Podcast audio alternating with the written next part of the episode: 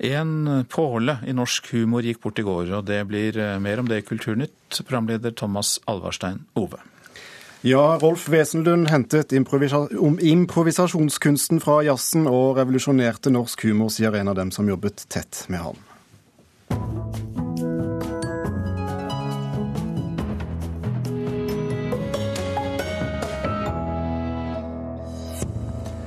Nordiske barnefilmer sliter med å nå barn i sine nordiske naboland, viser ny undersøkelse.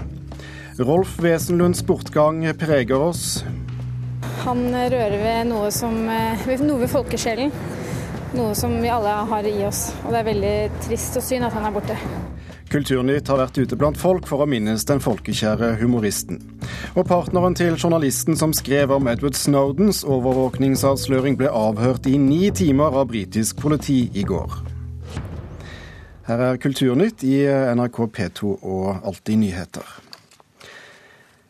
Nordiske barnefilmer når ikke frem til barn i nabolandene, viser altså en ny undersøkelse. Mellom 2008 og 2011 var det kun tre norske barnefilmer som ble satt opp på kino i et annet nordisk land. Den nye norske filmen 'Hokus pokus Albert Aaberg' er en av få norske filmer som får premiere i flere nordiske land samtidig.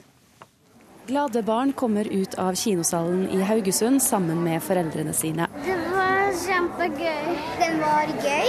En trollmann datt oppi badekaret. Å, den var fin. Kanskje den. Det er så vanskelig å finne ut hva slags hund jeg skal ønske meg. Hokus pokus Albert Aaberg er en av svært få nordiske barnefilmer som får premiere i flere nordiske land samtidig. En ny undersøkelse fra den svenske Biografsentralen viser at nordisk barnefilm sliter med å nå barn i sine naboland.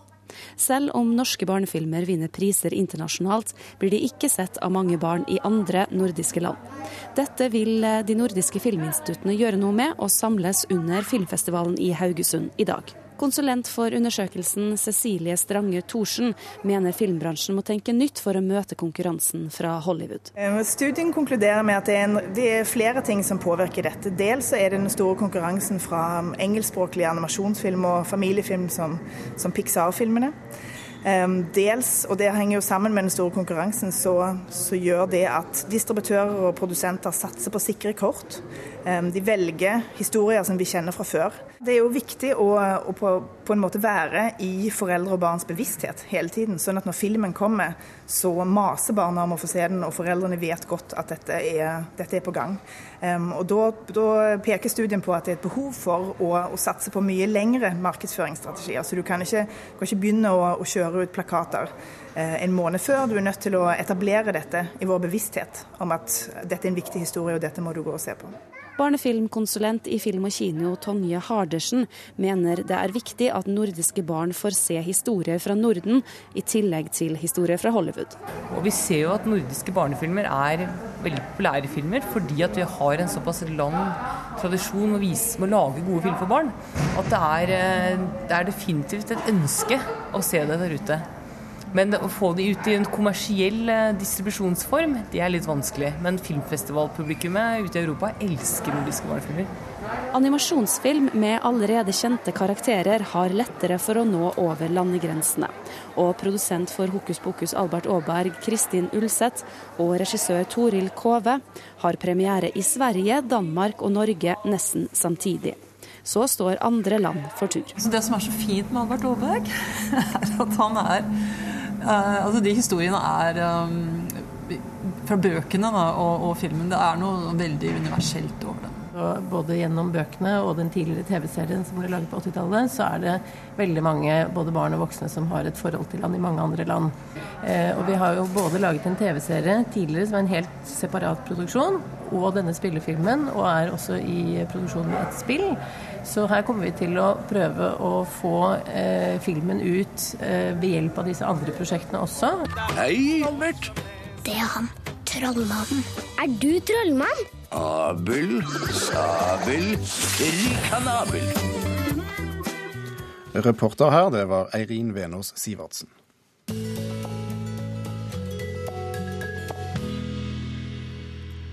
Natt til i går døde Rolf Wesenlund, 76 år gammel etter lengre tids sykeleie. Komiker, skuespiller og multikunstneren vi alle kjenner, som bl.a. Marve Fleksnes og Bør Børson, har en plass i de fleste norske hjerter. Og de vi møtte på gaten, har alle sin favoritt fra hans lange karriere.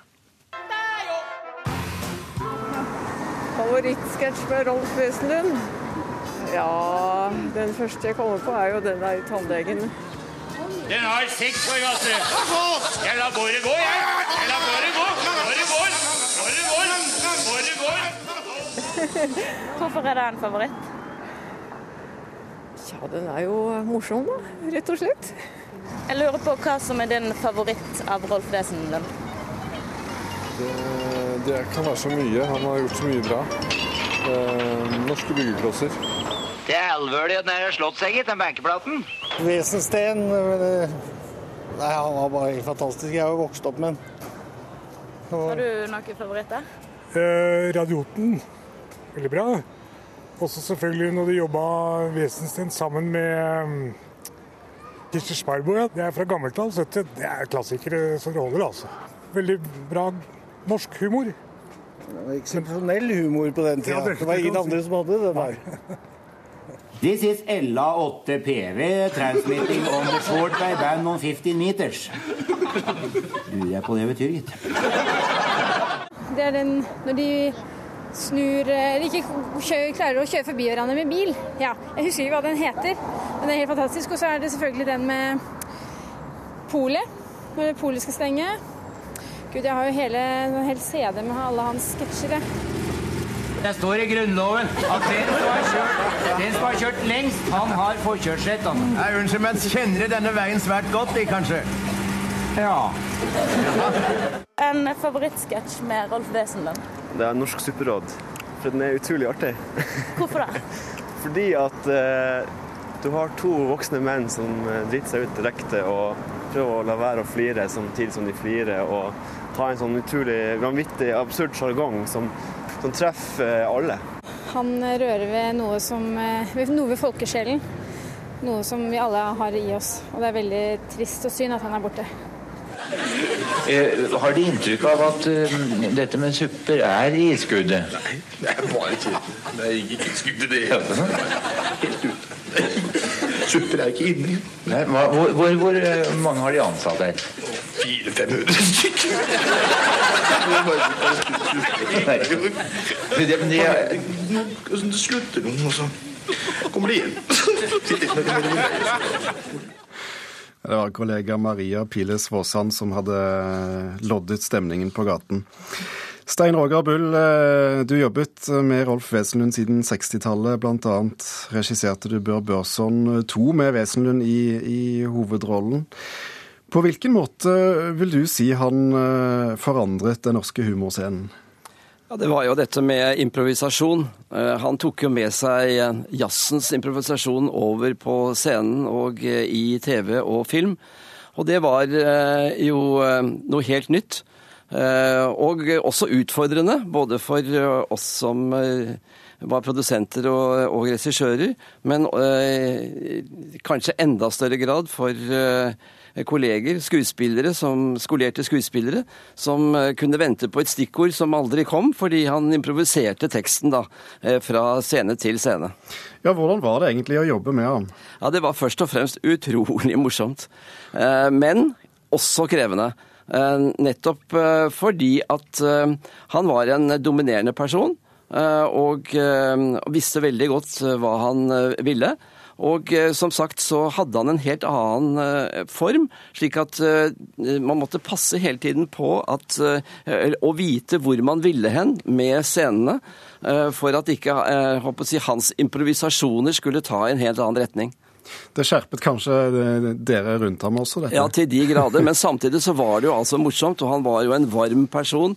eh, Var omtenksom overfor andre. Så eh, det var eh, både dette at det skjerpet oss, men også svært hyggelig og, og morsomt å jobbe sammen med ham.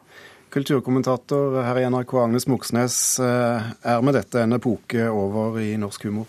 Nei, det vil jeg ikke si. Fordi Rolf Wesenlunds eh, humor og måte å jobbe med humor på er, eh, er jeg vil si universell og, og, lokal. Begge de delene som, som, kjennetegner stor kunst, må man nesten si. Han er, men mer som Stein Roger Bull sier her, han betød mye mer et brudd. Men han kom jo altså da inn i en tid hvor TV-en kom. Sånn at, eh, så det er mye mer påfallende, en mye sterkere entré eh, inn i det norske humormiljøet enn nå Sortien. Eh, hva tror du blir stående igjen eh, fra Rolf Wesenlund? Jeg satt og så på, jeg vet ikke hvor mange ganger jeg så Supperådet på nettet i går, og ler like mye hver gang jeg ser det. Så det er fra de derre små Det tar jo to minutter, Supperådet tar to minutter. Skulle egentlig vært kastet, for de ler så mye når de gjør det opptaket. Eh, og er revy og TV-historie. Samtidig så vil jo selvfølgelig både Bør Børson og Fleksnes blir, eh, blir stående. Og, det er, eh, og Fleksnes kan man aldri slutte å interessere seg for, for han er faktisk en ganske interessant karakter. Ja, og kanskje jeg får legge til at eh, det er langt utover Norges grenser. Hvis man mm. ser på nettavisene fra Danmark og Sverige i går, så er de alle sammen preget av at Wesenlund gikk bort. Han var altså like stor i Sverige og Danmark som han var i Norge. Og det er unikt for en norsk eh, komiker og norsk humor? Ja, det har eh, absolutt helt nytt. Det er vanskelig å nå fram utover Norges grenser som komiker. Det greide Rolf Wesenlund, og jeg er sikker på at hadde han hatt en helt annen språkbakgrunn enn det norske, så ville han også ha nådd internasjonalt veldig langt. Hvordan eh, er reaksjonen, eh, Agnes, eh, blant folk på sosiale medier? Nei, Det er jo som Stein Roy Bull sier her, at det var voldsomt. Det bare eksploderte i går. Alle har et Altså Det er det man må si om Rolf Wesenlund, at han har, virket, han har aldri virket splittende, alltid samlende. Og det er det som viser seg i de reaksjonene som kommer da, ikke bare fra Norge, men fra Island, Sverige og Danmark nå i de dagene her. En slik påle som har satt slike spor, eh, burde det være på sin plass med, med begravelse på statens bekostning, Stein Roger Bøll? Ja, men Det sies jo at en god latter forlenger livet, og han har jo forlenget livet til en hel nasjon. Derfor så synes jeg absolutt han, at, er, at han skal få en begravelse på statens bekostning. Ja, det er jeg helt enig med Stein Roger Bulli. Jeg ser det nesten som en selvfølge at når det gjelder eh, Rolf Wesenlund, så er det det som må skje. Vi har uh, ledd mye det siste døgnet av, av Rolf Wesenlund og hans sketsjer. Har, har, vi lov til det en, i en sånn anledning? Ja, jeg mener så absolutt det. Uh, han uh, ga oss så mye, og, og, heldigvis har vi så mange gode opptak både i uh, TV og på film, slik at vi kan glede oss med Rolf Wesenlund i mange år framover. Stein Roger Bull, eh, mange unge komikere forteller at Wesenlund har vært en stor inspirasjonskilde. Hva er det ved Wesenlunds humor som gjør den relevant for et publikum i dag, og, og, og komikere i dag? Ja, nå var det jo slik at eh, da Rolf Wesenlund eh, kom inn, i, og som Agnes Moxne sier, inn i, særlig i forbindelse med TV, så representerte han jo noe helt nytt. Og eh, de etablerte revyskuespillere på den tiden eh, hadde jo sitt å si om det. Akkurat slik som Rolf Wesenlund hadde sitt å si om unge komikere som kom etter ham. Men jeg tror man må si at de som driver med komedie og, og i dag, de, de står på skuldrene til Rolf Wesenlund. Stein Roger Bull, regissør og film- og TV-produsent eh, og kulturkommentator Agnes Moxnes, tusen takk for at dere var med og mintes Rolf Wesenlund her i eh, Kulturnytt. Du hører altså på eh, Kulturnytt i Nyhetsmorgen. Dette er de viktigste overskriftene nå. Nav har ingen felles minstekrav for fysiske sikkerhetstiltak som skal gjelde for alle Nav-kontorer. Årsaken er måten Nav er organisert på. Familiene til eh, Kjostov Moland og Joshua French er misfornøyde med hva norske myndigheter har gjort for å få de to hjem til Norge. Og bare tre uker før valget kan eierne av Norges største privatskolekjede utvide virksomheten, til tross for at regjeringen ikke ønsker privatskoler. Og bli med videre i Kulturnytt og hør at Roy Jacobsen skildrer taperne med stor varme i romanen De usynlige. Det mener vår kritiker. Partneren til journalisten som trykket lekkasjene til Edward Snowden i avisen The Guardian, ble holdt tilbake og avhørt i ni timer på Heathrow flyplass i London i går. Grensepolitiet benyttet seg av en kontroversiell antiterrorlov for å holde ham tilbake. Avisen krever nå en forklaring fra britiske myndigheter. David Miranda er samboeren til Glenn Greenwald, journalisten som først skrev om Edward Snowden, og som intervjuet varsleren for avisen The Guardian. Da Miranda passerte London i transitt på vei fra Berlin til Rio de Janeiro, der paret bor, ble han pågrepet. Jeg ble oppringt av en mann som presenterte seg som sikkerhetsoffiser på Heathrow flyplass, og som fortalte at min partner var anholdt under terrorloven av 2000, skriver Greenwald i The Guardian i dag. Miranda ble avhørt i ni timer og ble fratatt mobil, PC, kamera og minnepinner og annet teknisk utstyr. Greenwald sier at David Miranda, som er brasiliansk statsborger, ble forhørt om hva Greenwald og andre journalister i den britiske avisen har skrevet om den amerikanske etterretningens overvåking. Greenwald, som er amerikansk statsborger, har tidligere sagt at han sitter på mye som ennå ikke er offentliggjort. The Guardian har satt en advokat på saken og uttrykker forferdelse over pågripelsen. Avisen krever en forklaring fra britiske myndigheter.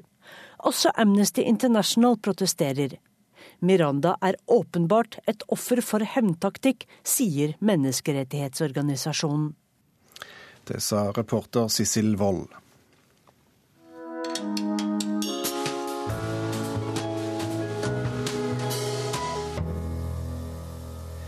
I romanen De usynlige skildrer Roy Jacobsen livet på en liten øy ved Helgelandskysten. Han er tilbake på 1920-tallet og tangerer dermed historien som åpnet romanen 'Seierherrene' fra 1991, der han fulgte en familie gjennom det meste av 1900-tallet. Vår kritiker Marta Norheim ble også minnet på andre bøker under lesingen.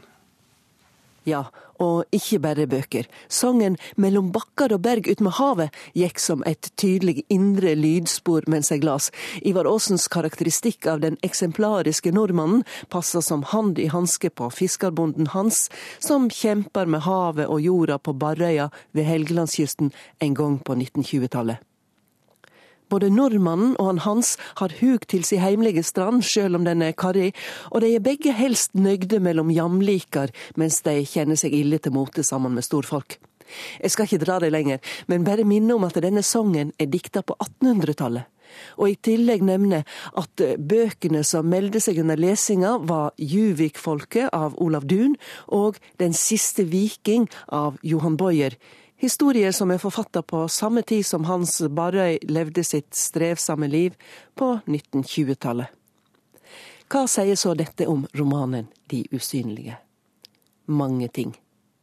Som at dette ikke er en roman med et 2013-perspektiv på slitet. Vi er på Barrøy og følger tett på arbeidsprosesser og levemåte.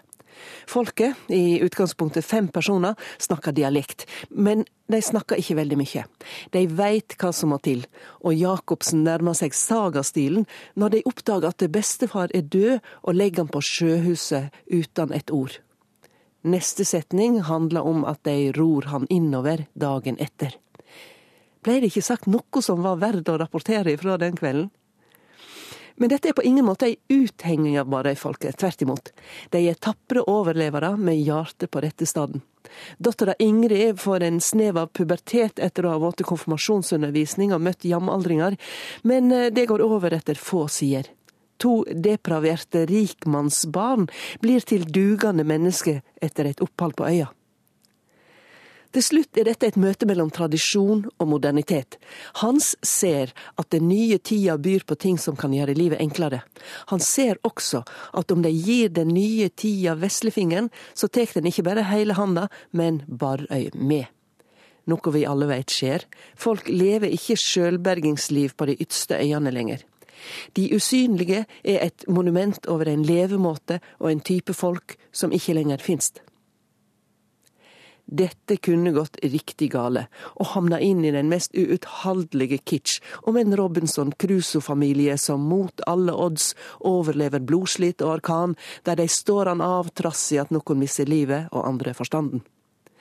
Når romanen ikke har havna der, er det fordi Jacobsen forteller historier med stor innsikt i dette livet, stor varme for personene og et språk som får motforestillinger til å fordampe. Dette er rett og slett en uvanlig fengslende og viktig roman om ei nær, men fjern fortid. Det sa vår kritiker Marta Norheim om romanen De usynlige av Roy Jacobsen. Idar Levin klarte å rømme fra Elverum sykehus bare minutter før Gestapo kom for å arrestere ham om morgenen. I dag legges det ned snublesteiner, små minnesmerker i Elverum til minne om seks av slektningene hans som ikke klarte det. De ble sendt til gasskamrene under andre verdenskrig fordi de var jøder. Det skal bli veldig sterkt. Sier Idar Levin. Fem år gammel klarte han og moren å rømme fra Elverum sykehus rett foran nesa på Gestapo. Da naboene fortalte at fem minutter etter at mor hadde forlatt hjemmet, så kom Gestapo med hunder opp og skulle hente oss. Og Da ikke mor var der, så kjørte vi på sykehuset, og da hadde vi akkurat satt oss inn i drosjen og kjørt. Ida Levin mistet slektningene sine i holocaust. I dag skal navnene deres hogges inn i brosten som små minnesmerker på hver side av Storgata i Elverum, der familiene Markus og Levinson hadde forretninger til de ble arrestert og deportert og drept i konsentrasjonsleiren Auschwitz for 70 år siden. Her står det Aksel Markus Moritz og Sonja Ester Moritz, som da var foreldre til lille John Charles Moritz. Det var Sissel Levin og Jødisk museum som tok initiativet til å legge ned snublestener i Norge for å minnes de nesten 800 norske jødene som ble deportert og sendt i døden i tyske gasskamre i 1942 og 43. Her ute ser du eh, mange stener. Det er 19 stener som ligger her i denne leiegården foran museet. Det er soll eben sagt. Det er den tyske kunstneren Gunther Demnig som startet å legge egne snublestener på gater utenfor der jødiske ofre bodde eller arbeidet. Siden 90-tallet er det lagt ned nesten 40 000 slike stener over hele Europa. I dag kommer han til Oslo og Elverum for å legge ned flere. Ja, det betyr at eh, nordmenn flest får en helt ny kunnskap og kanskje en helt annen forståelse om hva som skjedde med så mange som bodde der hvor de andre også bodde. Eh, nettopp dette at det blir lagt i byer og kommuner og småsteder over hele landet. For det bodde jøder over hele landet før krigen. Det gjør det ikke lenger. Men, eh, og disse små minnesmerkene er eh, norsk historie, og det er byhistorie og lokalhistorie. Og det, det er vi veldig glad for at den historien kommer frem. I løpet av august skal det legges ned 53 snublestener i Elverum, Oslo, Stavanger, Mosjøen, Trondheim og Haugesund. Til sammen er det nå 140 snublestener over hele landet. Min tante og min onkel, to kusiner, søstera min far Idar Levins slektninger døde i Auschwitz under andre verdenskrig. Og to fettere, Leif og en jevnaldrende med meg som heter Ragnar. Han var også fem år den gangen. Sjøl klarte han å rømme bare minutter før Gestapo kom for å arrestere ham og moren. Etter morens ønske utskrives han i dag, skal komme gjennom tre uker til kontroll. På sykejournalen fra 1942 står det hvordan en lege ved Elverum sykehus hjalp dem å rømme ved å late som om de var utskrevet, men snart skulle tilbake på kontroll. Ja, det var jo takket være ham at eh, det ikke er enda flere snublescener som skal avdukes på Elverum. Det er jo rart å tenke på at det er sånne tilfeldigheter som gjør at man lever i dag. Så mer kan vi ikke si. Reporter på Elverum var Stein S. Eide. Grieghallen i Bergen har satt i gang en storstilt oppussing til over 240 millioner kroner. Regjeringen har lovet å bidra med en tredjedel av finansieringen, men den endelige beslutningen blir ikke tatt før etter valget. En utsettelse kan få stor innvirkning på kulturlivet i eh, Bergen. Og denne saken det blir det mer om i vår sending i ettermiddag klokken 16.30. Denne sendingen nærmer seg slutten. Der har vi hørt at Rolf Wesenlund fortjener begravelse på statens bekostning. Det mener regissør og produsent Stein Roger Bull, som jobbet tett med ham eh, gjennom karrieren. Produsent Vidar Sem, teknisk ansvarlig Per Ivar Nordahl og Thomas Alverstein Ove takker for følget.